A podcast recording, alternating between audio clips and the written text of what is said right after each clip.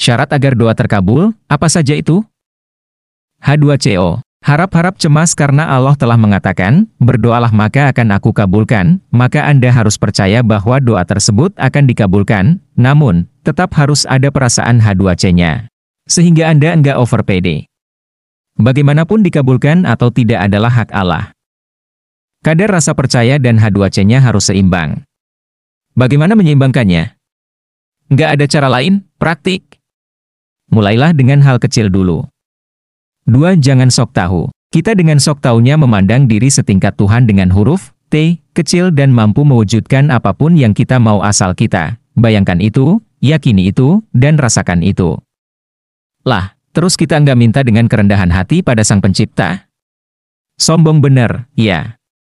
Padahal kalaupun memang akhirnya dikabulkan, apakah kita yakin itu yang terbaik dan diberkahinya?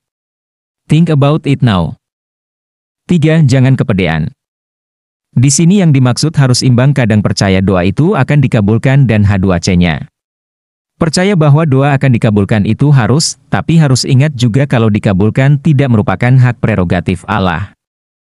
4. Jangan mengatur jangan mengatur cara proses pengabulan doa.